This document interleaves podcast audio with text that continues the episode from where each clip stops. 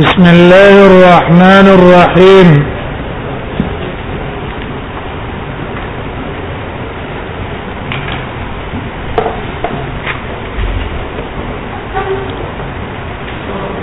امام ترمذی اوس تفصیل کوي د سنابحي دا سنابحي په حدیث کې نه ذکر شوی کوم چې مصنف راوړی صرف امام ترمذی ته اشاره کوي او په باب کې چې په باب کې د سنابحین هم روایت ده نو د دغه مناسبت په بنا باندې مصنف رحم الله را اولګېدو او زاحت سنابحی کوي پرونه تماوی ال سنابحی دی یو په اتفاق صحابي ده یو په اتفاق تابعي ده اتفاق چې صحابي ده هغه ته سنابح ابن الاعصر وای او چې په اتفاق تابعی ده دا غنم دی عبد الرحمن ابن عسيله دا په اتفاق باندې تابعی ده د رسول الله صلی الله علیه وسلم په زمانه کې ایمان نه وړو او نبی صلی الله علیه وسلم ملاقات نه لري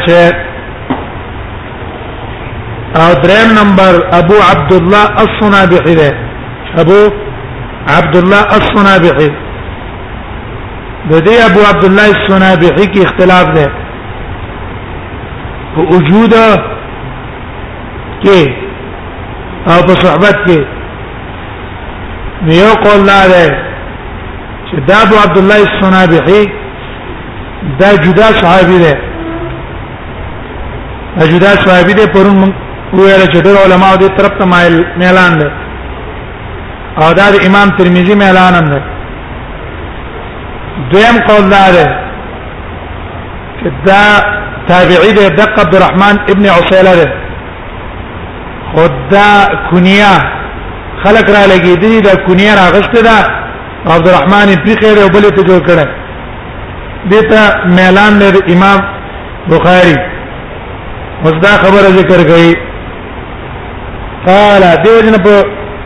ډیرو نسخو کې دا عبارت نشته دا صرف په قلمي نسخو کې او د نسخې د هندستان کې چې دلته کې مې چاپ شوی راغسته دا عام نسخو کې را نشته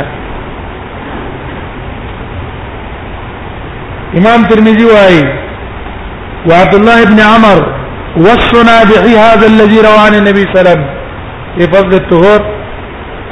ودا سنا به چې دا کم په باب کې مونږ ویلو کم یو او په باب کې ذکر کو کنه ویا سنا به روان نبی صلی الله علیه وسلم روایت کړی دی په فضل الطهور په فضل الطهور کې ما دا اودس په فضیلت کې چې کوم روایت هغه نه نقل لای چې کوم منګه مخکې بیان کو د نسائی او د موطا په مالک په سند باندې ودا عبد الله الصنابحي ده دا عبد الله الصنابحي ده نو د امام ترمذی را هم دا شو چې ابو عبد الله الصنابحي دا څوک شو دا صحابي شو او وصنا به الذي روانا ابي بکر او هغه صنا به چې روایت د ابو بکر صدیق نه کړه ليس له سماع من النبي صلى الله عليه وسلم دا د لپاره سماع د نبی صلی الله علیه وسلم نه نه نقل دا عبد الله صنابحي ودا تابعي ده واسمه عبد الرحمن بن عسيله بدخل عبد الرحمن بن عسيله ده ويكنى با عبد الله او دم کنیا سره ابو عبد الله ده کنه دم کنیا ابو عبد الله ده رحل الى النبي صلى الله عليه وسلم ده سفر کړو د نبی صلی الله علیه وسلم ته ځکه سنابح چې دي کنه دا یو قبيله ده په یمن کې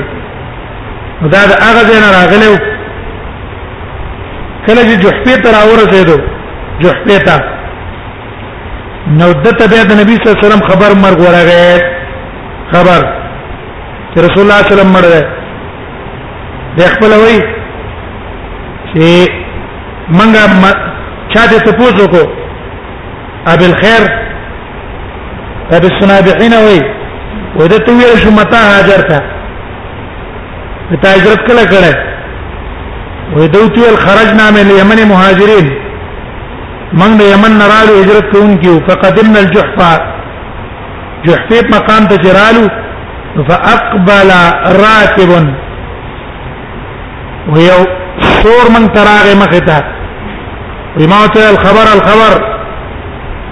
خبر راته بیان د قصه څه ده ویل د فن النبي صلی الله علیه وسلم مسخم سن پنځه ورځې کې چې رسول الله وفات شوه امنګ د پن کړه وای ما غتی ول چې هل سمعت فی ليله القدر شیئا خزما ته حدیث بیان کړو چې قدر کې تصاریف معلوم نه کنه وای هغه راته ویل چې اخبرني مؤذن النبي صلی الله علیه وسلم اخبرني بلال مؤذن النبي صلی الله علیه وسلم انه في السبع وې دا په اور رسنو ورځو کې مته ګور راغله د یمن نه د ابو بکر سره ملاقات شوه ده په منځ کې مر شوه ده فقبض النبي صلى الله عليه وسلم وهو في الطريق او ده په لار کې جحفه مکان ته چې را اورسه د پته تو لګیدا وقد روى عن النبي صلى الله عليه وسلم احاديثا او دم د نبی صلی الله علیه وسلم احادیث نقل کړي دي دم د رسول الله نه څه کړي احادیث نقل کړي خو د روایتونو څه دي دا مرسل دي دا روایتونه مرسل دي ولې تابعی ده کنه کله په منځ کې صحابي ذکر کې ټیک ده او که صحابي ذکر کړي نه روایت مرسل ده والصنابح ابن الاعصر دریم نمبر څوک ده سنابح ابن الاعصر ده رضي الله عنه الاحمسي احمسي ده احمس دا قبيله ده دا صحابي ده په کوپه کې اوسېدل کوپه کې اوسېدل وېدا صاحب النبي صلى الله عليه وسلم دا په اتفاق باندې نبی صلی الله علیه وسلم صحابي ده او يقال له الصنابحي ايضا دتم صنابحي وي يا نسبتي د بارک ویل کی صنابحي وانما حديثه او اذا دا حديث ده هغه دا حديث د رسول الله نه اوریدل سمعت النبي صلى الله عليه وسلم يقول وما رسول الله صلى الله عليه وسلم اوریدل رسول الله صلى الله عليه وسلم فرمایله انی مکاثر بكم الامم یقینا زب فخر کوم په تاسو باندې په ډیروالی په نور امتونو مانه د قیامت پر ورځ باندې با زه په نور امتونو فخر کوم چې زما امت تاسو د امت نه ډیر ده دا فخر به کوم فلا تقتلن بعدي ورزما د مرګ نه بعد رست جنگونه یو بل څه نه کوي الا تقتلون بعد یو بس رجم اونکه اوس ګوره د اولی جمله بین جمله منځ کې مناسبت څه ده چې انی مکاترم بكم الامم زه به تاسو باندې امتونه ډیروم زمان رسو جنگ مکوي علماء مناسبت ادا ده چې تاسو بل څه جنگ کوي یو بل وجه نه دا د یو بل وجل ذریعہ لپاره د قطع د نسل وطن ته په ځواني کې مړ کو دا هغه نسل ختم شو کنه د دې ژوندې بچی به راوړای نسل به جاری شو ځواني کې د مړ کو نسل ختم شو فلا تقدرن بعدي ما مناسبت ادا شو چې دا یو بسره قتال او دا یو بل وجل دا سبب ته د پار د ختمېدلو د نسل یو سره دا سوال کی چې دا مناسبت خو ځکه ټیک نه ده چې ګوره دا قتلم په خپل الشهيد ميت باجله او المقتول ميت باجله مقتول په خپل اجل باندې وجلږي الله دې لپاره اجل مقرر کړی دی کته مننه کو په خپل امري دا سبب د خطه د نسل ستاد وجنه شو کنه دا غنه جواب ده علما وايي ګور اجال دوه قسمه دي یو معلق ده یو مبرم ده بعض اجلونه شریعت الله مقرر کړی هغه ده کدی شری د چا څخه جنگ وکړو نو په پلان کې ټیم مر کوما او که جنگ لاله نو جنگ یې اونکو او پاتې نو پلان کې ټیم مر کوما نو ټیک د مړ شو په خپل اجل خو چې الله ولکم اجل معلق مقرر کړو تام دا چې مړ کو نو دا د څه شو لکه تا د خپل ټیم نه څوک مخکې مړ کو نور هغه نټه باندې مړ شو او عمرونه د قصیخه یو ای دوی نادي شو کې راځي نیکی په عمر کې زیادت راوړي صدقه په عمر کې زیادت راولي څنګه راولي هم یو معنا په کې دا ده الله عمر شریف پاره لیکلې کته صدقه ورکول شپه ته کال عمر ده صدقه نه ورکول سلوي کال عمر دې په باندې عمر راځي فلا تقتتلن بعدي زمانه برستو جنگ نه کوي نو دا درې شو نو یو صحابي شو په اتفاق یو تابعي شو په اتفاق او دې بل کې اختلاف شو د علماء منځ کې امام ترمذی ترجیح دی لور کا چې دا دریم صحابي دی او موږ هم دې له ترجیح ور کړو ولی ذکر ابو عبد الله السنابحي صراحتا رسول الله صلی الله علیه وسلم روایتونه څه کړی دي اوریدل نو کتاب عبد الله منګه وای چې ردا د کونیه بدل شوی دا عبد الرحمن نوم یې ده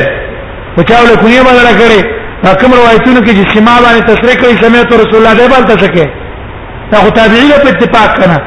دیو جن ترجیح چاله ورکړه ترجیح دی لا ورکړه باب ما جاء مفتاح صلات الطهور باب باندې کې ما جاء په بیان د اوا حدیثو کې چې راغله ده په دې کې چې مفتاح الصلات الطهور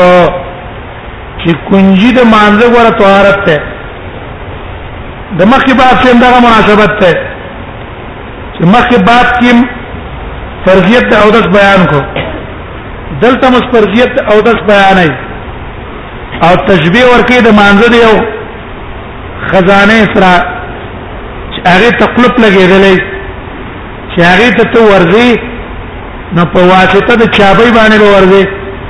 دقه سي د منظم یو خزانه د مقبله چې ته هغه ته ورنه وځي نو په واسطه د مانځ او د سپور نه وځي وبي قال حدثنا عناد وقتيبة ومحمود بن غيلان قالوا اخبرنا وكيع عن سفيان سفيان چې په حدیثو د کتابونو کې مطلق ذکر شي دا هغه تمیز لږ مشکل دی وجه دا چې د سفیانان دي دواړه معاشرین دي سفیان ابن عیینه سفیان ثوری او د دواړه په شاګردانو کې مکسر شریک دي په استادانو کې شریک دي راوی چې تر یو بل نه جدا کې د تمیز یو طریقې را ده چې تمیز دی په شاګردانو کې چې هغه پلانکې پلانکې شاګرد پلانکی دي د پلانکی نه دي دا هغه په رواتو کې سند کې شاګرد راغلی ته ته پته لګي دا پلانکې ده او یا تمیز راځي په استادانو دلته د دوه شاګردانو مې وشي دي او د دوه استادانو مې ودي دیو جن دی په من کې تمیز اکثر ګرایي دلته د سفیان نه کم سفیان مراد ده دلته د سفیان نه سفیان ثوری مراد ده دلیل په روایت د ابن ماجه ده او روایت د بهقی ده ځکه ته صراحتن څه قید لګوله سفیان الثوری او نصب الرای والا حافظ زیلعی اغم دا ویلی چې مراد سفیان ثوری ده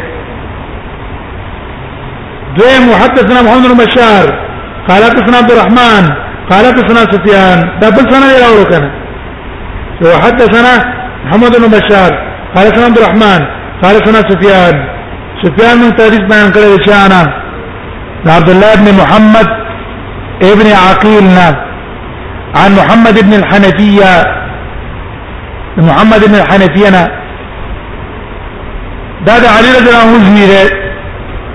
علي رضی الله او دې نسبت اکثر مور ته کیږي مور ته ځکه مور د بنو حنیفه نه و او بکر صدیق کې زمانہ کې چې کله بنو حنیفه د مسلمه الکذاب څخه ودرېده هغه دعوت نبوت کړو نو ابو بکر صدیق داغه سره جنگ وکړو او داغه بنو حنیفه او خزی ان ذکرې ماشومان او غلامان کړه او د دې نه شری مسله بل معلومه شو هغه دا کله چې انفرادي سره مرتد شي انفرادي د انفرادي مرتد خزه ان ذکیږي نه او زی غلامی نه صرف هغه به وجنه او کټول علاقه والا په ځل مرتد شو یو کلی والا دی یو علاقه والا دی او شریک است مرتد شو د اسلام نه بیا د دې حکم نه پشان ته د اصلي کافرانو جنگ بکې jihad به سره کې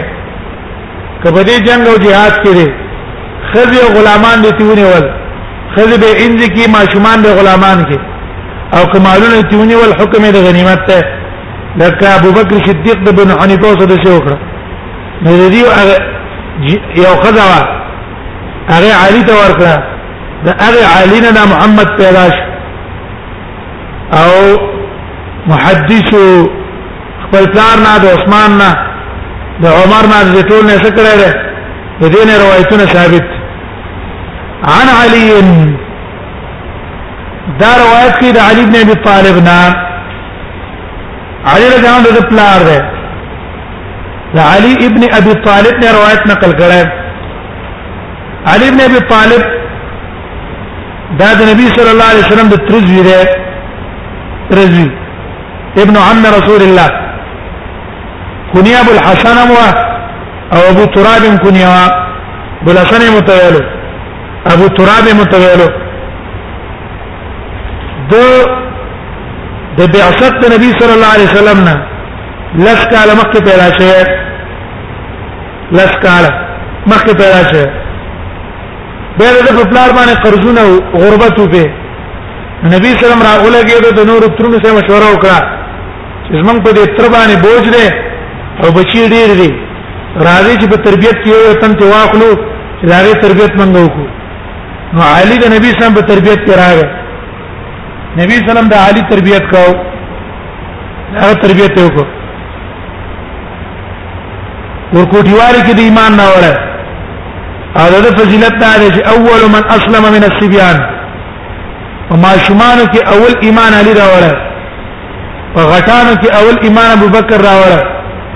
په خزو کې اول ایمان خدیجه راوړل او په غلامانو کې اول ایمان زید راوړل زید بن ثابت دا د دې خصوصیت ته زید بن ثابت نه زید بن حارثه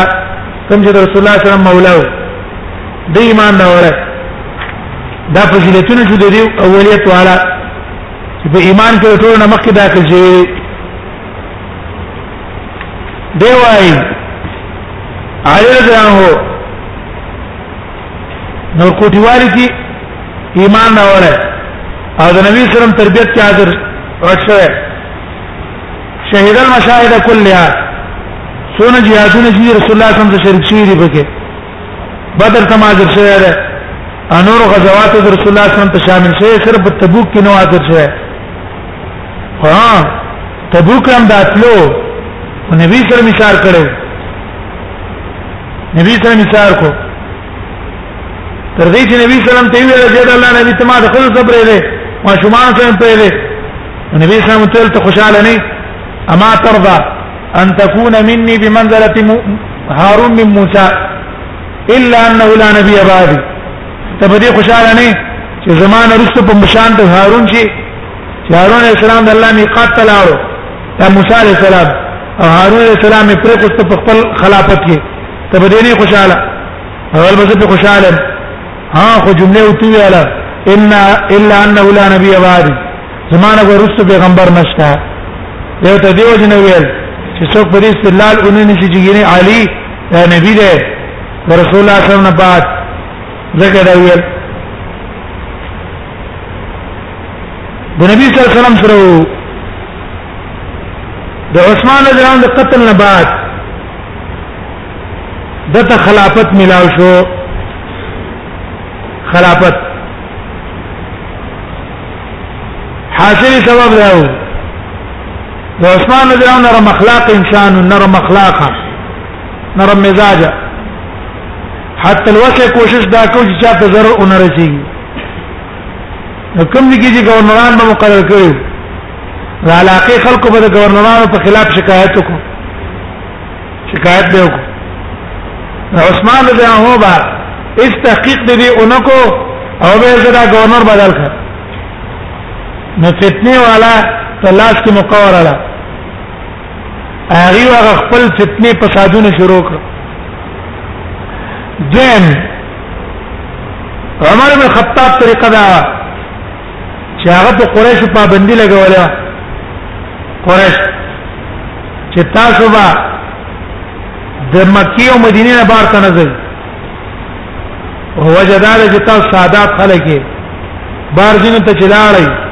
خلک وته راتاوی اکرامونه عزتونه به تکي وسوسه شیطانتونه به تکي د حکومت په خلاف به تاسو بڑکاو کی دیو نظر بندي وکړه لکه یو سړی په خلینه کار کیږي کنه خلک په هغه نظر بندي ولګي دلته کینه د په نظر بندي لګول عثمان چې خلیفہ شو عثمان رضی الله عنه ازادي ورکړه جزاء ډېر خلک د دین امر تاو شو او دې ته دا خبري شروع کړي چې حقدار د خلافت خو تاسو وي دغه د رسول الله صلی خپلوان وي او خلافت د ابو بکر واغستو د عمر واغستو عثمان واغسته دې په خبرو باندې دیم لږ بدلونه کړه عثمان رضی الله عنه ته ایست باغیان را پورته شو فتنه او ته شروع کړه الحاصل اخر فتنه والا رال ذل حجې ماشوا ذل حجې اکثر خلک حج لته لیو دلته دی ورالسته په مدینه باندې حمله وکړه په مدینه چې په مدینه باندې حمله وکړه عثمان رضی الله عنه محاصره کو عثمان محاصره کو عثمان چې محاصره شو تقریبا 40 ورځې یا 50 ورځې محاصره او د دې حفاظت لپاره حسن او حسین ابو هريره عبد الله بن الزبير ادا نور صحابه د محاصره لپاره ګر چا په بالکل ولاړو چې فتنه والا په عثمان چړایونه کی مړې نه صحابه له عثمان رضی الله عنه درې مشورې ورکړې او پاره کې معاویه هم رضی الله عنه معاویه رضی الله حکومت په شام کې مضبوط او خلک هغه شکل کولاړو درې مشورې ورکړې یو مشوره دا ده چې موږ ته حکم وکړي چې دې قد فتنه والا په مدینه راغلي چې جنگ وسو کو ختمې کو عثمان اردان شم کوله رسول الله صلی الله علیه وسلم اوریدل زما په امت کې کله تور وروته دا به تر قیامت پورې دن نه نږي بیا په خپل من کې جنگونه کوي دا دا تور زنه رو باسم زه دې په خلاف باندې تور او چلو خو دریم دریم مشوره به دا ده دا چې وکا معاویه رضی الله عنه ته ویل چې راځه شام تراشه او شام کې فتنه والا تا ته خوا تر اتلې نشي زمال ته مضبوطه ګورنری ده تا ته به څوک چویر نشي هغه ټول رسول الله جوار نه پرېدم چې زه مدینه پرېدم او رسول الله صلی الله علیه وسلم پرېدم لاشم د دې جنا خو به درې درې مده چې کارو کا چې زبر کسان د شام نه درولېږم ستا د حفاظت لپاره شامی فوجین مدرولېږم هغه تل د رسول الله گورنر له بارانو خلکو ضرر نه ورکو چاو تل به خلافت پرې دا وینا خلافت هم نه پرې د ما تر رسول الله ویل چې خلک باندې قمیص وباسي وباسي دی نه وې څه کوي وې صبر کوم د الله مرته نو فتنه والا جمعه قبض کړو چل 50 ورځې عثمان رضی الله په کور کې صحابه ته ګر چا پیر ولاړو واکثر د فتنه والا شا طرف نه راتاو او دیوالی سوره کو د کسان ته پته نه لګیدا او عثمان باندې ورغه عثمان رضی الله شهید کړو قران د پاسو د آیات تلاوت کو پته کې کوم الله او عثمان خوب ولیدو چې ابو بکر او عمر او نبی صلی الله علیه وسلم ته وی چې ته موږ سره جماعت یې په ورځ باندې عثمان رجونی ولا او دې د ورځې تشهید کو د قران د پاسه یا فتنه والا په مدینه کې راځي اکثر صحابه مکه ته تللی حج له تللی دې دلته دا کار وکړو یریده چې دا صحابه د حج نه راځي واپس نشي دا غینه بعد فتنی والا درې ډلا د چار ادا او چې عبد الله بن زبیر خلیفہ کو شد طلحه طرف ته مایل او چې طلحه خلیفہ کو او ډیر کسان پاری دا ولګید علی تیر شاه د خلافت والا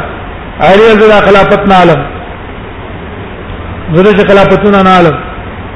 فتنه والا او تیر چې خلافت تناله اسلام دا سر په دې تور باندې نو علي د مجبورۍ نه خلافت واغسته حسین چې علي خلیفہ شو خلافت ته ورس پارل شو فتنه والا او بیعت کو اکثر صحابه بارو بارو او دا د فتنه والا کسان د علي شي ته ودرېد نو د عام مؤمنانو په ذهن کې دا راغله چې دا قتل د عثمان کې د علي لاس ته ولې دا قاتلین ځان څخه کړی دی او قصاص ته اخلي قاتلین د عثمان ځان څخه کړی او قصاص ته اخلي نه پدې کې جنگ جمل واقع رااله هغه ته چې کوم کسان مکې ته تلل د مکې نه کسان لال کوفه ته الته معسكر جوړ کو چې علي ته موږ وایو شابه قاتلین د قصاص واخله ځکه اول قانون د قصاص دی چې دام د عثمان د قاتلین وانه غوښتل اول حکم قانون پاتې شو شرعي نه پاتې به څه دي په دې کې څه جنگ جمل لاغه او جنگ جمل هم صحابو کې نقصان نه خوارج نقصان ولی جنگ جمل ته اغي ولای بل تعالی ته پته ولګی دا علی رضوان ته مدینه پرې کوستلا مدینه ابو ایب په کې خلیفہ کو چې تزما په زید تنایب او دا هغه ځای نه لاړو کوپه ته کوپه کې مخامخ شو جنگ ته ځان تیار کو او بمن کې قاصدان رال لال رال تپاو مې وکړ تاسو څه وایي موږ قصاص ته واخلې نو هغه کسان چې ښا تاسو په مرګرو کې پلان کې قتل وکړو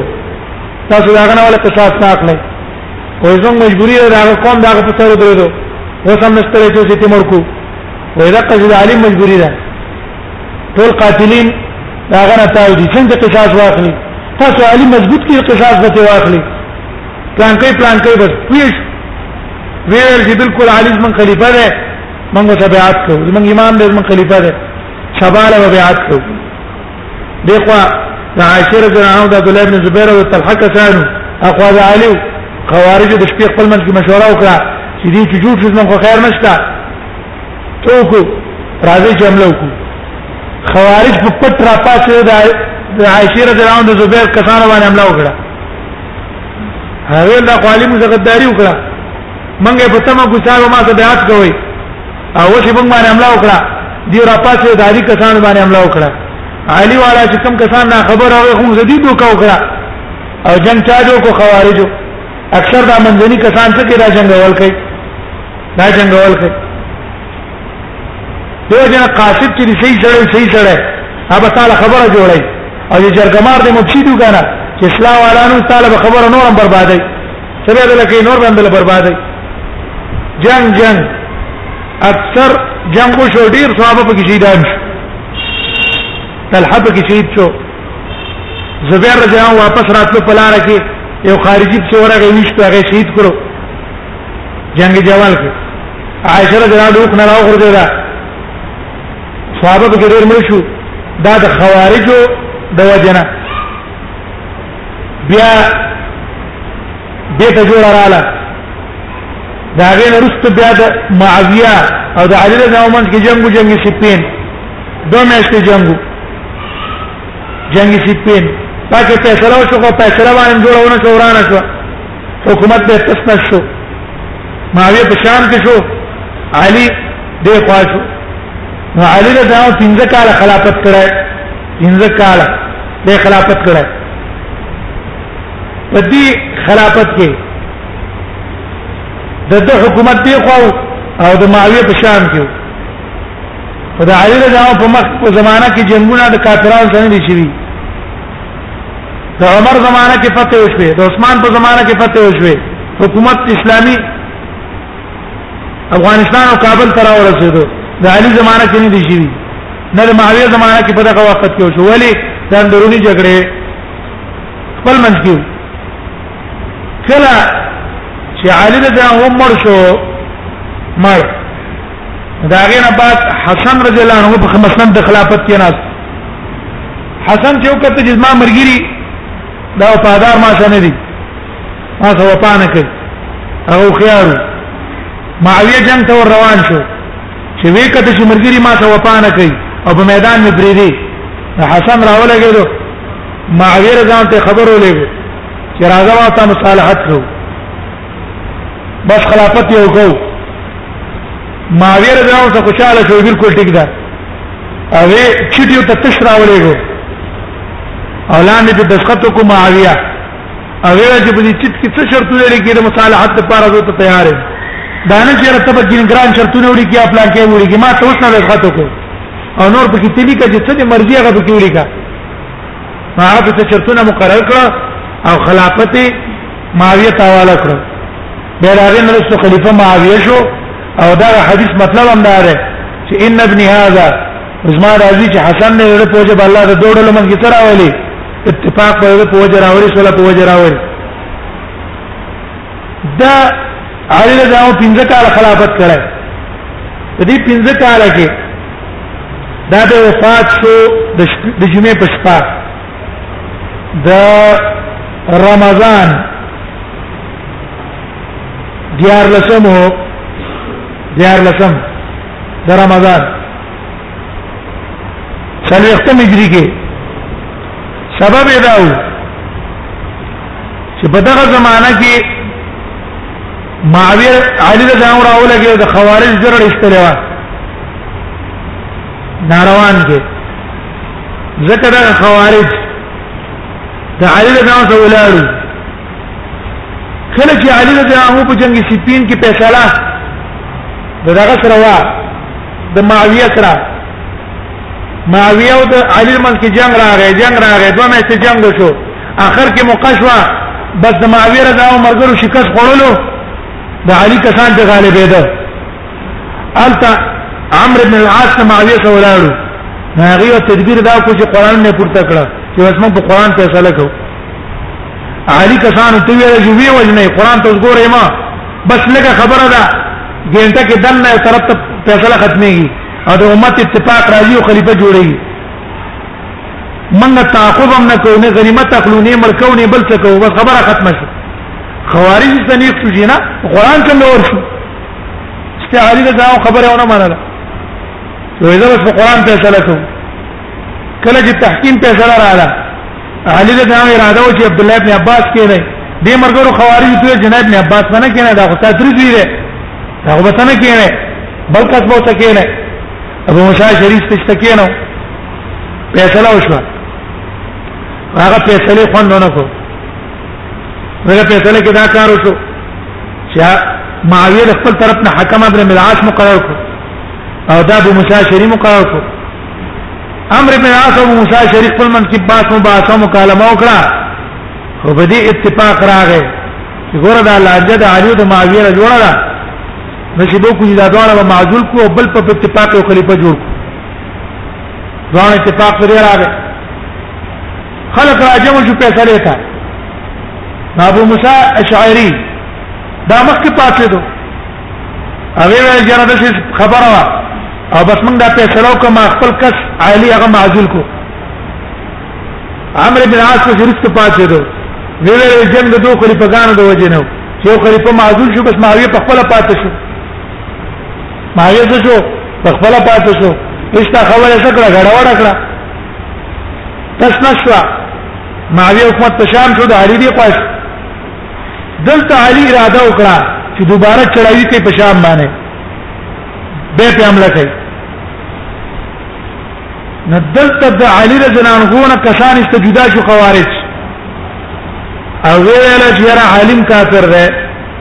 عثمان هم کافر دی اعظم بالله معاویه هم کافر دی ولی وې دې تحکیم غیر الله ته سپارلو قران کې دې ان الحكم الا لله فیصله د الله نو دی راولګو تحکیمي بل چاته وسپارلو او دی خوارجو شرارتونه څخه شروع کړ د ابو دردار رضی الله عنه ابو دردار د ابو ذر د خپل انجو څخه بلاره باندې روان ندی کسان را اولګېدل د خوارج باندې ورغه او دا خزه حامله وا نو خزه له برچا باندې اواله بچی ته غرزو او دا ویل مرکو چې علي ته پته ولګېدل علي ورته جنگي سپین ته زما او دا مقصدان ما ځل ته نږدې دی او دا ختمول غواړي به ورسره د معاویه سره کاږو ناول ابن عباس کسان اورولې د پاره د اتمام د حجت دو زر کسان ابن عباس چې باس وکړو او دا غي شوبې ظاهر کړ توبه وی سترال څلور د رومه کې پاتې شو علي په چړاوي وکړه به ستندي ولکړه ختم کړه یو څه لګ لګ بقایات پاتې شو تختیدل چې و تختیدل ودغه خوارجو کې یو خارجو ابن ملجم ابن ملجم دا خارجي دا خارجي اورت په کعبه خوا شناستو په دې کې بل خارجي ولیدو هغه مل خوا کې راغی نه دریم خارجي ولیدو هغه په خوا کې راغی دریوانه کې ناستا او بس نهروان هغه مرګري یاد کړ چې موږ هغه مرګري دا او دا نو خپل من کې دا ویل چې دا ټول فساد پنځه د معاویه د عمرو ابن العاص او د علی نه پیښ دی راځي د سیو کو چې په یو شپه باندې درې وانه باندې ملو کې استعمال کو ان ملجم علی بدل زمر کم دا غویاله هغه بل ویاله چې معاویه بدل زمر کم د درې مو چې دا بدل زمر کم امر به راس په زمر کم کم شپه د یار لسم شپه د رمضان مقرر ته د جمعې شپه چې مانځه ته چې کله راوځي گزار به پیو کو سار مانځه ټیم کې د ابن ملجم کوپه کې یو بل پټ خارجي وو هغه ته خپل رائے کار کړه هغه ول راولګي د خارجي ته لوره مولا ورکړه په نکاح کې رستا اعتماد ته نورم پوښي او تخپل هغه منصوبه پوره تیار کړي دیو جنا امت ته ټول زړه د خوارج نه رسیدل سخت ضرر صحابه ته کافر وای صحابه ته او په تیر کو پر جوړ کې جالي کافر ماوی کافر عثمان کافر داغه ملګری کافر دا غریب کافر او تاسو مسلمانان ته کډارانه تاسو نو چې کله رااله علي رضی الله عنه سار مانځ تر وته نو چې څنګه مانځ ترار ابن ملجم ته تیار ناشتو سه په علي رضی الله باندې گزارو کو گزار پرچه په ولګېدل او دا هغه د وجه نه بیرستو عالی شهید شو معاویه راځو مانځ ترا وته هغه باندې عکس گزار کو خو بچ شو دیو جنست به معاویه دا مقصوره جوړ کړه حدیث کې راځي چې مقصوره دا د معاویه دا لږ شو دې جوړ کو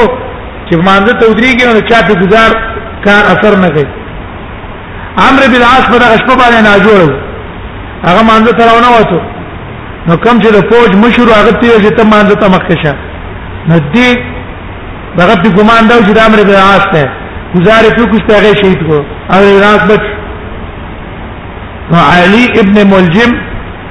الله سبحانه مړ او د دې ابن ملجم په باره کې راځي چې دا دون ذاکرو وې کړه چې ونی ولا دا لاسونه ته پر کول بدن نه ته پر کول خود پروانه کوله وجب یې چې کله پر کول سخت یو جړل په دې جبه ته د الله ذکر کوم وخت بچي دون ذاکرو او د بارک نبی سلام علی ته ویلو کنه چې سخت عذاب والا انسان نه جتا وجني سخت عذاب والا له جتا وجني نو دا د جمعې په شپه باندې سار کې مر شوی دی څلوختم د هجری درش په تکاله عمر یو دا نټول روایتونه چې نقل لې نو 1500 شپږ اتیا روایتونه چې نقل لې 1500 شپږ اتیا متفقون علی روایتونه شلې او انفرد البخاری امام بخاری چې انفراد کړی دی نو په نحو باندې کړی او امام مسلم چې انفراد کړی په پنځو یې کړی دغه فضائل په حدیث کې راغلي فضائل حدیث کې د ډېر فضائل راغلي نو علی رضی الله عنه دا به په کوپه کې د پنځه خو یو وخت د قبر پټ کو دا د دې وجنه چې خوارج چرته په شران شي او قبر لسنه کې ولراونه کوي او تراوینه بس نو قبر ولا پټ کړی خو ګر کوپه کې او پاتشه الته د پنځه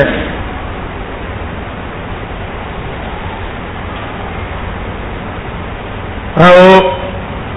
فضیلت خیبر روایت کې به تراش خیبر کې رسول الله صلی الله علیه وسلم اورد باندې سر باندې درد یو قلال یو ورځ ابوبکر ولېګو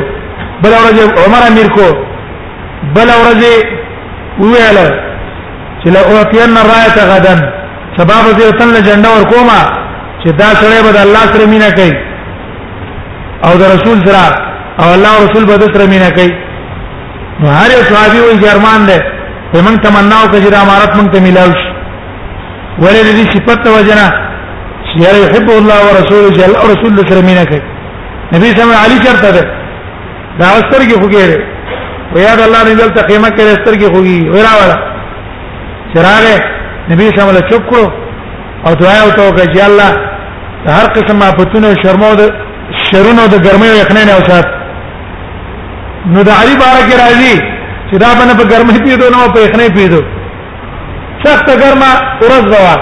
او سخت ګرمۍ کې به کوټ واچو او په سخت یخنۍ کې به کلاوي تړای وي هیڅ پنه وچولې نه په ګرمۍ پیډو نه په یخنۍ پیډو ذکر رسول الله صلی الله علیه وسلم دعا کړو انور فضائل هم دا غشتا دا علی دا هو نبی صلی الله علیه وسلم روایت نقل کړي